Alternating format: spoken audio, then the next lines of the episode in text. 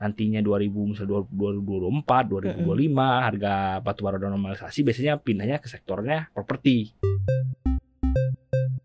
Kalau sekarang nih di tahun 2023 akan cukup lumayan banyak nggak sih geser atau sektor rotasi yang terjadi?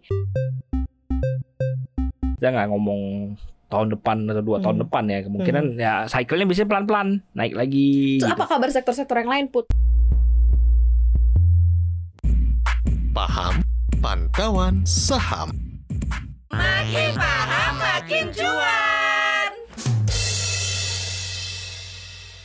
Sobat cuan, selamat datang di podcast cuap cuap cuan. Hari ini seperti biasa ada pantauan saham paham makin paham makin Cuan. Yes, bareng dengan Buat Triputra Televisi Indonesia. dan juga Maria Katarina. Sobat cuan, ih udah nggak berasa ya kita udah melewati semester pertama tahun 2023. Sekarang nih udah bulan Juli ya, bulan Juli berarti kan kita masuk ke semester 2 ya, 2023 nih Iya. kira-kira bakal seperti apa. Nah, kita mau angkat topik terkait mengenai sektor rotations. Katanya sektor rotasi saham itu bisa dibaca. Nah, di momen pergantian semester ini kan kemarin udah semester 1 udah lah ya whatever. Sekarang tinggal sisa 6 bulan di 2023. Apakah memang ada mulai terlihat atau mulai terbaca atau sudah ada tren gak sih bahwa rotasi sektor di saham itu setiap per enam bulan atau mungkin di momen-momen kayak gini? Sebenarnya rotasi sektor saham itu Mm-mm. itu bergantung ter- ter- terhadap ekonomi. Ya Gitu. betul. Jadi sebenarnya tuh gue jelasin dulu ya di di di, sah- di saham itu tuh biasanya Hmm. ada dua jenis emiten. Mm-mm. Satu yang siklusan, Mm-mm. satu yang, non siklus. Mm-mm. Yang yang non siklus ya biasalah consumer apa itu kan whatever happens kan biasanya Mm-mm. orang tetap makan gitu kan. Mm-mm. Gitu. Jadi ya tidak terlalu bergantung terhadap siklus ekonomi. Mm-mm. Satu lagi yang cyclical. Oke. Yang cyclical ini baru yang bisa di- dilihat perputaran arahnya gitu Mm-mm. dari dari sektor ini ke sektor ini ke sektor ini. Mm-mm. Nah dari ekonomi secara umumnya itu itu biasanya tuh kalau misalnya belajar teori ekonomi itu biasanya tuh dia bentuknya tuh kayak ekspansi resesi ekspansi resesi tapi Mm-mm, sambil mm-mm. naik ke atas gitu jadi naik Mm. turun naik turun tapi trennya naik gitu Mhm. ekspansi sama resesi gitu jadi Mm-mm. jadi kalau misalnya bela- lihat dari ekonomi sektor ekonominya ketika resesi ya finance diuntungkan eh, bukan, ketika ekspansi finance diuntungkan gitu Mm-mm, karena kalau ekspansi orang butuh duit Mm-mm. ngutang Mm-mm. kredit BLL ketika resesi Mm-mm. sektor finance dirugikan gitu. Oke. Nah, kalau misalnya dari economic cycle gitu, nah, Mm. sedangkan kalau misalnya dari sektoral cycle itu biasanya itu lebih lebih muternya lebih agak panjang gitu. Oke. Periodenya lebih panjang. muternya lebih Oke. panjang kayak, kayak misalnya contoh sekarang Contohnya, ini. mm. Sekarang ini siklusnya kan masih di komoditas, komoditas, komoditi, komoditi yang mana nih? komoditi, All the whatever commodity, ya, whatever, ya, commodity. Walaupun udah Utamanya, walaupun utamanya batu bara, tapi walaupun walaupun harganya udah mau udah mulai turun, normalisasi tapi gitu masih ya. tinggi. Mhm, ya I see. gitu karena udah mau end of the cycle-nya, cycle udah Mhm. mau berakhir gitu ya. Mhm, Yuk ka- kasih satu satu tahun satu setengah tahun lagi Mm-mm. mungkin udah normalisasi pindah ke sektor baru mhm, gitu. Nah jadi biasanya habis dari komoditas itu pindahnya ke properti. Oh, iya sih biasanya habis kom- boom komoditi properti. ya, Ini karena- historical sih. Ya, ya historis betul, secara betul, historisnya betul, gitu. betul, biasanya betul, ketika orang nih udah banyak duit nih, wah gue cuan batu betul. bara Oh, dari harganya 60 Masuklah ke ke 300. properti. Iya, mereka investnya ke properti, Mm-mm. properti biasanya Mm-mm. gitu. Jadi nanti ketika sektor ini boom apa ketika nantinya 2000 misalnya 2024, 2025 harga batu bara udah normalisasi biasanya pindahnya ke sektornya properti. mhm, Gitu. mhm, mhm.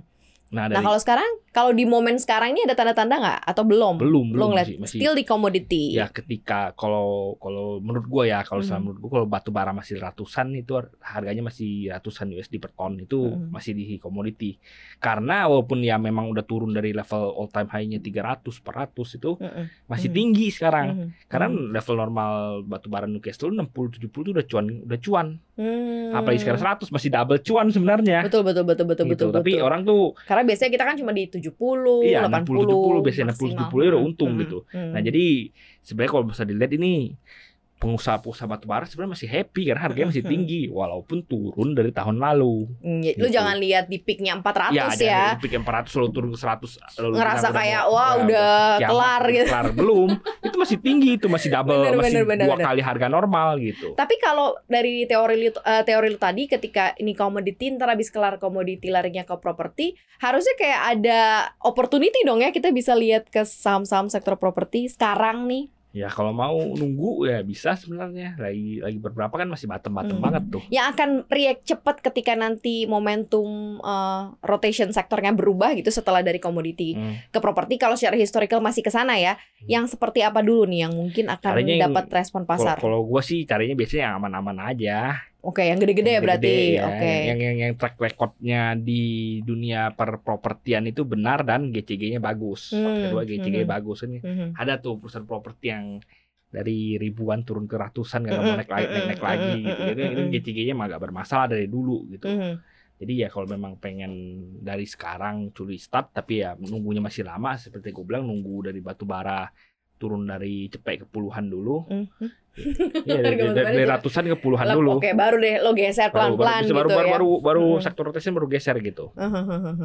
Oke, kalau sekarang eh, untuk yang si komoditi batu baranya sendiri masih bisa nggak disambangin gitu? Maksudnya kan sekarang udah nggak se peak kayak 400 atau 200 Ya, ya, kan. Udah, udah udah end of the cycle Nah. lagi gitu. Menunggu sampai bener-bener nanti di bawah 100, apa nih yang bisa lo lakuin? Eh, saham itu kan duluan ya biasanya geraknya Mhm, daripada mhm. siklusnya gitu. Jadi kalau misalnya siklus sudah mau mulai sahamnya tuh udah udah di- naik duluan gitu. Mhm, mhm. Jadi kalau sekarang lu udah nebeng ya itu apa market tuh udah udah udah price in bahwa ini sudah mau mendekati cycle-nya gitu. Jadi ya Hmm. kurang wise ya kalau lu mau trading trading atau ada cuan atau mendekati dividen lu mau mau apa spekulasi ya masih bisa untung tapi ya untuk lu hold long term 1 2 tahun ya udah agak berat gitu.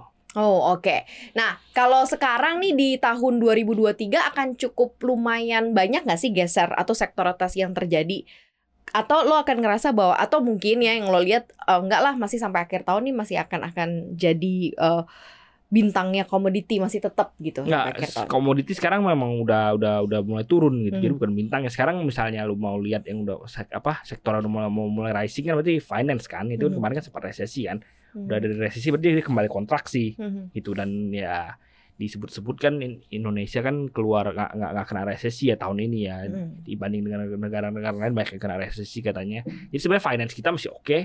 Dari data terakhir kan kredit masih tumbuh. Ya. artinya la- laba rata-rata masih all time high loh Betul betul betul laba betul, laba betul, perbankan tuh all time high, Mhm. NPL-nya juga rendah, NPL rendah Mhm. artinya cadangannya kan nggak Mhm. perlu besar-besar ya, Mhm. cadangan kecil artinya laba besar. Jadi Mhm. kemungkinan besar tahun ini masih akan bukan laba all time betul. high. Mhm, mhm. Tahun lalu juga laba all time high. Ya betul betul Dua betul kali betul. laba betul. all time high ya kalau lu pengen hold dari sekarang untuk satu dua tahun ke depan sebenarnya masih oke gitu. Untuk banking banking ya, Untuk banking, untuk big, big finansial bank ya, ya. big bank ya, bukan yang kayak Digibank dan kawan-kawannya itu kan keteh ya itu nah itu cycle-nya juga belum ke sana kalau yang untuk iya iya iya. saham-saham iya, teknologi Eh gitu. mungkin gak sih nanti kalau cycle ke sana one day gitu? Ya masih lama. Ini kan sekarang masih era era suku bunganya kan kita tahu kemarin walaupun sempat katanya sudah peaking-peaking kan di hike di hike terus kan, Mm-mm. di, di naik suku bunga naik suku bunga. Kalau suku bunga naik itu rata-rata kan saham teknologi nggak menarik. Saham Mm. teknologi nggak- kan biasanya saham teknologi kan masih merugi. Betul. Jadi valuasinya pakai DCF. Hmm. DCF itu kan ada risk free rate-nya. Hmm. Risk free rate itu kan ya suku bunga the Fed itu kan, Mm, mm, Fed mm, rate itu mm, kan. mm, mm, Jadi Fed rate makin tinggi makin tinggi, valuasi Iya, saham-saham iya. teknologi makin turun makin turun. Mm-mm. Cycle-nya belum ke sana gitu. Nanti ketika Lagi gue nanyanya something aneh-aneh aja. happen lagi nggak kalau nanti ketika something happen kayak kemarin orang banyak pegang kayak banyak pegang ada Cash. banyak cash lagi lalu suku bunganya turun nah itu Hmm. baru biasanya balik ke teknologi gitu Nah, Eh, akan cukup eh, lama nggak sih? Maksudnya dari dari dari satu periode. Ini kan kayak contohnya kita bicara opportunity aja deh di enam bulan ke depan. Karena kan tahun depan kan Indonesia bakal ada pemilihan presiden Mhm. gitu kan, pemilihan umum. Ini akan cukup lebih banyak orang yang melakukan sektor rotation atau eh, sektor-sektor yang akan cukup diuntungkan. Jadi kita bisa tune in dana ke sana atau seperti apa menurut lo? ya kalau pengen gambling cari aja saham-saham yang dipegang sama PEP ya political exposed person yang udah pernah gue bilang gitu Si yang menyokong si calon-calon yang ini. calon-calon Waduh, itu, gitu. nyarinya tanya Putra deh siapa. biasanya kan kalau kalau kayak misalnya tahun pi- pilpres tahun lalu itu kan ada yang jual saham gede-gedean buat buat itu buat buat mensupport. mensupport iya iya, iya apalagi ya Gitu. kan. Jadi Iya. bahaya sebenarnya kalau kayak gitu ya sahamnya bisa Nggak, ditinggalin. nggak ya. juga biasanya biasanya ada yang ada ada yang memang dinaikin dulu baru dijual gitu ya mm. macam-macam Nah iya ini, macam-macam ini gitu. fenomenanya akan lumayan ramai nggak menurut lo?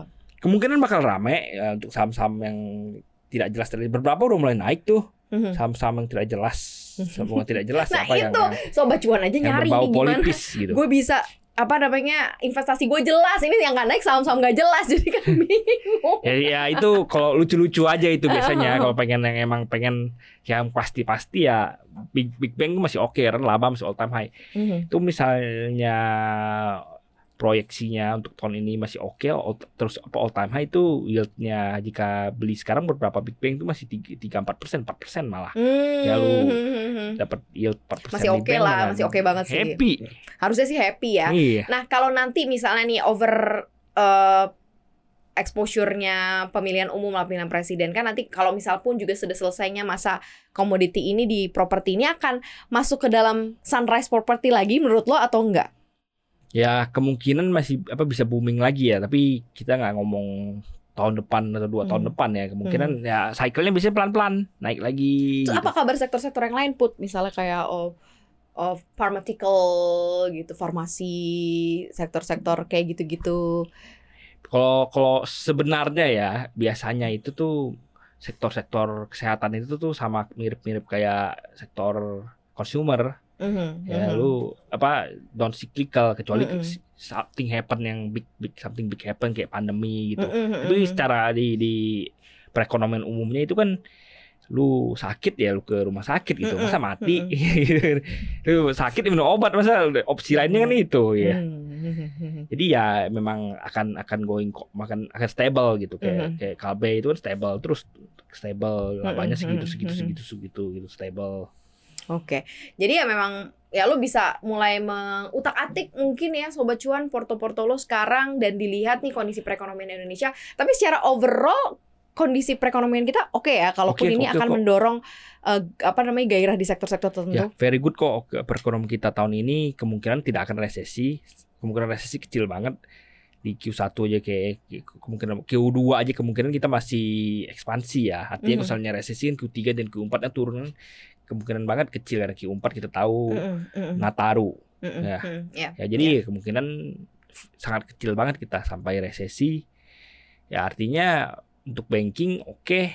Gitu. Untuk sektor-sektor lain ya masih masih ya masih banyak beberapa masih questionable ya. Kayak misalnya batu bara tadi gue bilang masih questionable. Untuk nikel nikelan tuh masih panjang ceritanya. Hmm. gitu. Ya, apalagi nikel ya kan, masa depan global masih, ya masih, kan. masih panjang gitu. masa depan dunia gitu ya. Jadi kalau sobat cuan mau melihat dan mau punya uh, setup investasi ngikutin sektor rotasi tadi tuh dilihat apa yang tadi disampaikan sama Putra ya. Ada ada fase dan ada momentumnya. Yang jelas ini disclaimer on, kami tidak ada ajakan atau tendensi untuk membeli saham-saham tertentu ya. Jadi kami balikin lagi nih ke sobat cuan, mana sih yang cocok untuk kita sebagai investor ataupun trader di pasar modal. Thank you banget udah dengerin paham hari ini. Jangan lupa untuk dengerin konten-konten kita lainnya di Apple Podcast, Google Podcast, Spotify, dan Anchor. Follow akun Instagram kita di @cuap underscore cuan dan subscribe YouTube channel kita di cuap cuap cuan. Like, share, dan juga komen. Thank you sobat cuan. Kita pamit. Bye bye. Happy cuan.